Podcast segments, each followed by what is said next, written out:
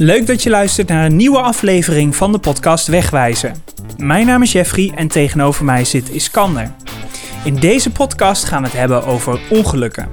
Je ziet het bijna dagelijks voorbij komen op ons Twitterkanaal, RWS Verkeersinfo. File door een ongeluk. Als een ongeval gebeurt, komen we gelijk in actie om de hinder voor jou als weggebruiker zoveel mogelijk te beperken. Ja, maar wat doen we dan precies? Op de achtergrond gebeurt namelijk een heleboel wat je als weggebruiker niet ziet. En daarom geven we een kijkje achter de schermen in deze aflevering. We nemen je allereerst mee naar een van de verkeerscentrales van Rijkswaterstaat. Hier komen meldingen van ongevallen binnen.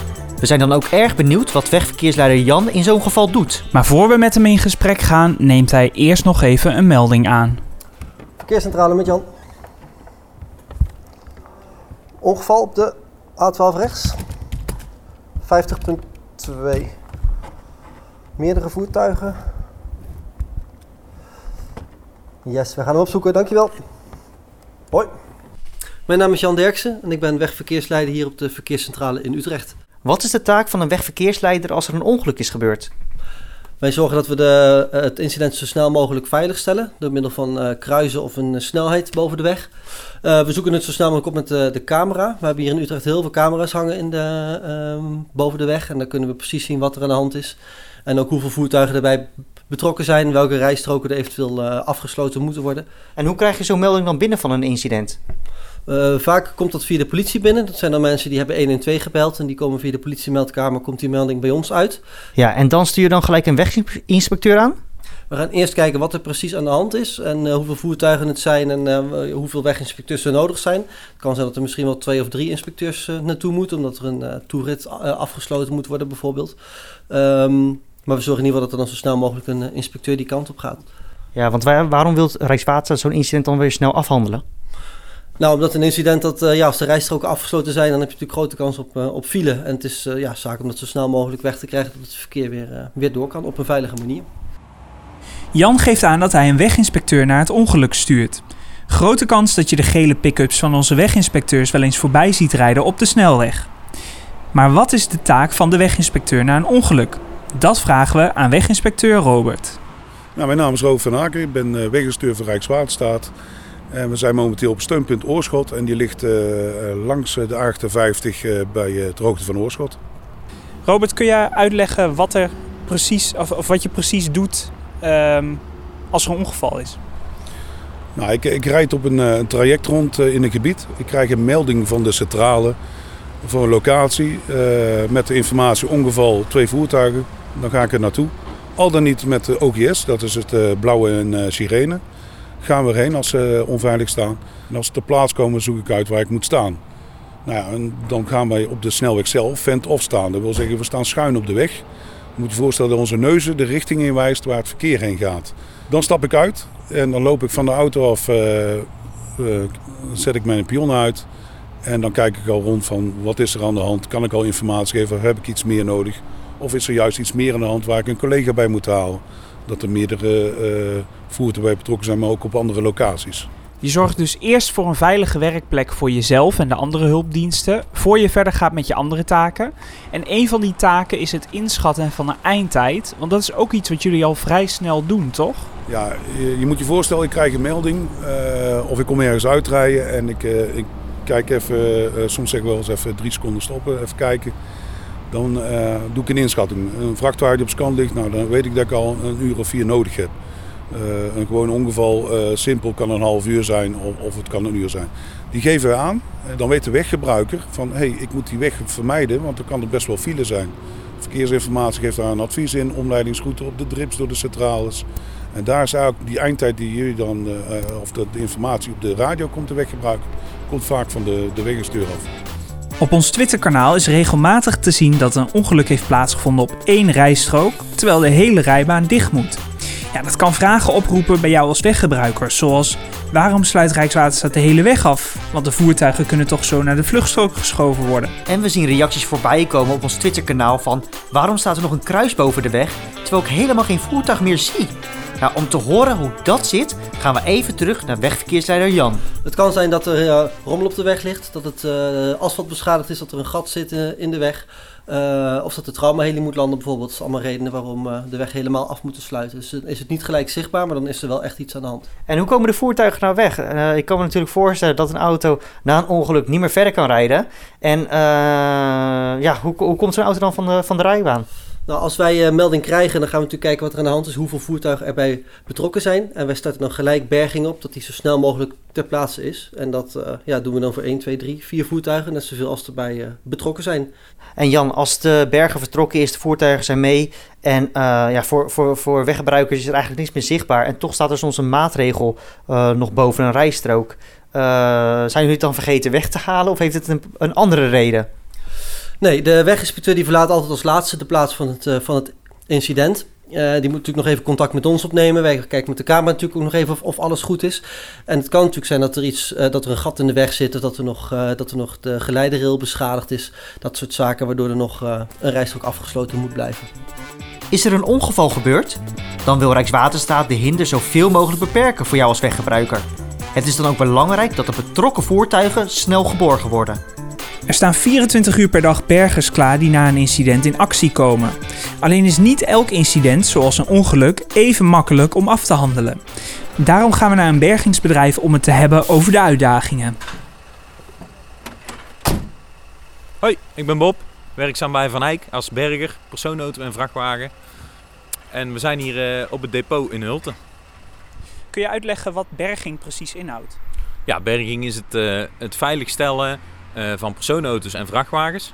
Uh, wij zorgen ervoor dat mensen uh, bij een ongeval of bij een pechgeval altijd op een veilige locatie terechtkomen. Zowel met de persoonauto's als met de vrachtwagens. Hoe gaat dat in zijn werk? Uh, hoe word jij aangestuurd door wie en, en hoe kom jij op de plek van het ongeval bijvoorbeeld? Ja, wij werken allemaal als berger in rayons in Nederland. zijn allemaal onderverdeeld in rayons. En wij worden aangestuurd door de verkeersstralen. Vervolgens halen wij de auto van de weg af. nemen mensen mee als ze nog mee kunnen. En dan uh, ja, verzorgen we eigenlijk van A tot Z, vanaf het moment uh, dat de auto van de weg is, verzorgen we eigenlijk van A tot Z alles om die auto weer ja, op plek van bestemming te krijgen. Ja, dus eigenlijk uh, is dit het laatste punt waar iemand komt die een ongeluk heeft gehad, bijvoorbeeld, of wiens auto ja, beschadigd is. Ja, ja dat klopt. Hier, ja, hier worden ze gestald in afwachting van de verzekering naar welke garage ze mogen. Daar brengen wij hem nog naartoe. En dan handelt de garage het uh, verder af. Die gaan hem repareren of niet. Of... Ja, en heb je dan ook nog uitdagende situaties uh, bij ongevallen? Bijvoorbeeld uh, dat het heel lastig bergen is of zo? Jazeker. Ehm, zowel voor de, voor de persoonautoberging als de vrachtwagenberging zit er best wel wat haken en ogen aan. Heb je daar bijvoorbeeld een, een voorbeeld van? Ja, een auto in de sloot kan af en toe heel makkelijk eruit zien. Uh, maar het kan ook zomaar eens gebeuren dat hij er niet uit wil komen. Dat het echt wel, uh, echt wel een uitdaging is om, uh, om hem weer boven te krijgen. Ja, waarom kan het afhandelen van een vrachtwagen veel langer duren dan een personenauto? Nou, een vrachtwagen is meestal op de achterwielen aangedreven. wij tillen de voorkant op, dus zullen we ook moeten zorgen dat de aandrijving er tussenuit is. Omdat anders ja, ontstaat er meer schade als dat er waarschijnlijk al was. Uh, daarom moeten we uh, vaak even een kwartiertje, half uurtje sleutelen. Uh, we moeten de voorras oppakken, vastbinden. het is allemaal net wat meer werk. En een persoonauto is vaak ja, erop trekken en wegwezen. Rijkswaterstaat wil een ongeluk natuurlijk liever voorkomen. En daarom worden er allerlei maatregelen genomen. Zo vergroten wij de veiligheid voor jou als weggebruiker. En interessant om te weten, veel van deze maatregelen zie je dagelijks op de snelweg. Maar als jij in de auto zit, ben je daar misschien helemaal niet bewust van. Om te horen welke maatregelen dit zijn die jij dus tegenkomt op de snelweg, gaan we langs bij een verkeersdeskundige. Ja, ik ben uh, Geertje Hegeman, verkeersveiligheidsdeskundige bij Rijkswaterstaat. En wat houdt die functie in? Uh, nou, ons team houdt zich uh, dagelijks bezig met verkeersveiligheid. En dan nou ja, om de veiligheid op onze eigen wegen te garanderen, maar eigenlijk ook voor heel Nederland. En dan kijken jullie ook bijvoorbeeld naar uh, ja, ongelukken, dus on ongelukken te voorkomen?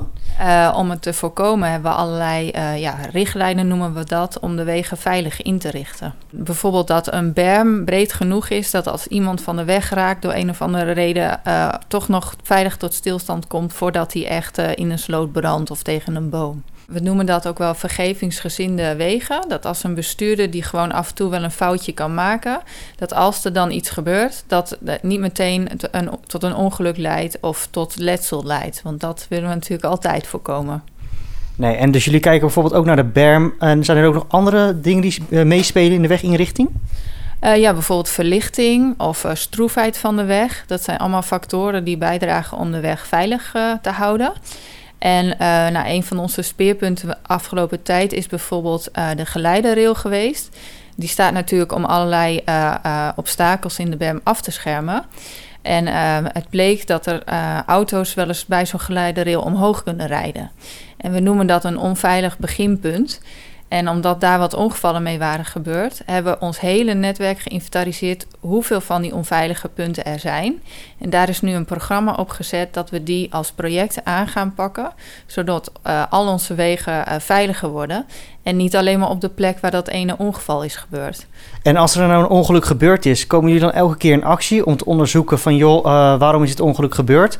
Of gebeurt het echt specifiek op een bepaald punt als er meerdere ongelukken zijn gebeurd? Uh, ja, als er een, uh, zeker als er een dodelijk ongeluk gebeurd is, die moeten we eigenlijk altijd onderzoeken. En dan gaan we eerst kijken, heeft de infrastructuur een rol gespeeld? Want soms is het bijvoorbeeld dat iemand echt uh, heel, helemaal zwaar dronken was of heel veel drugs had gebruikt. Ja, daar kunnen we dan meestal niet zoveel aan doen, helaas. Um, maar uh, stel dat de infrastructuur wel een rol heeft gespeeld, dan gaan we een uitgebreid onderzoek doen. Van hoe is het ongeval ontstaan? Uh, wat, wat hebben we in de, in de inrichting kunnen doen om dat ongeval te voorkomen? Ja, en via Twitter kregen we regelmatig te horen van... joh, kon de bestuurder niet opletten? Of ja, hoe kan zo'n ongeluk nou ontstaan?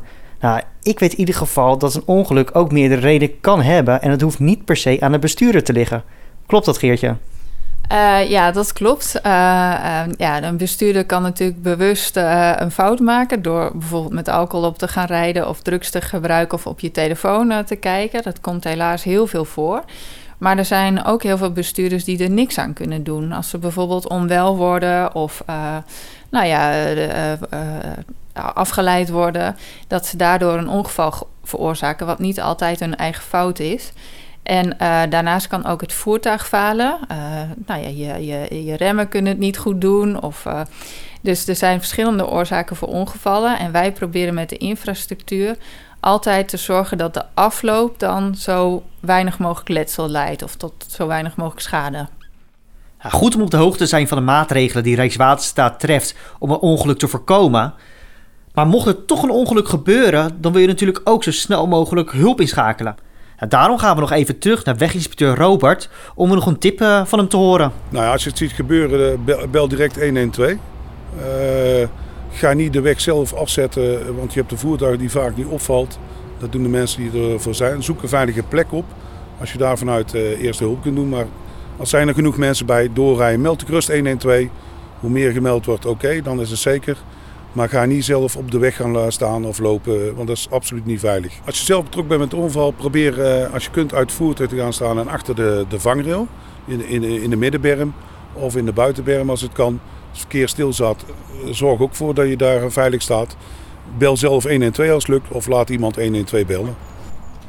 Ja, ik moet helaas verder, want ik heb mijn telefoon op stilstaan. Maar ik zie dat ik uh, verder moet. Uh, naar de 58 30 0 rechts. Dat is een, uh, een pechgeval op de vluchtstrook, dus daar ga ik even heen.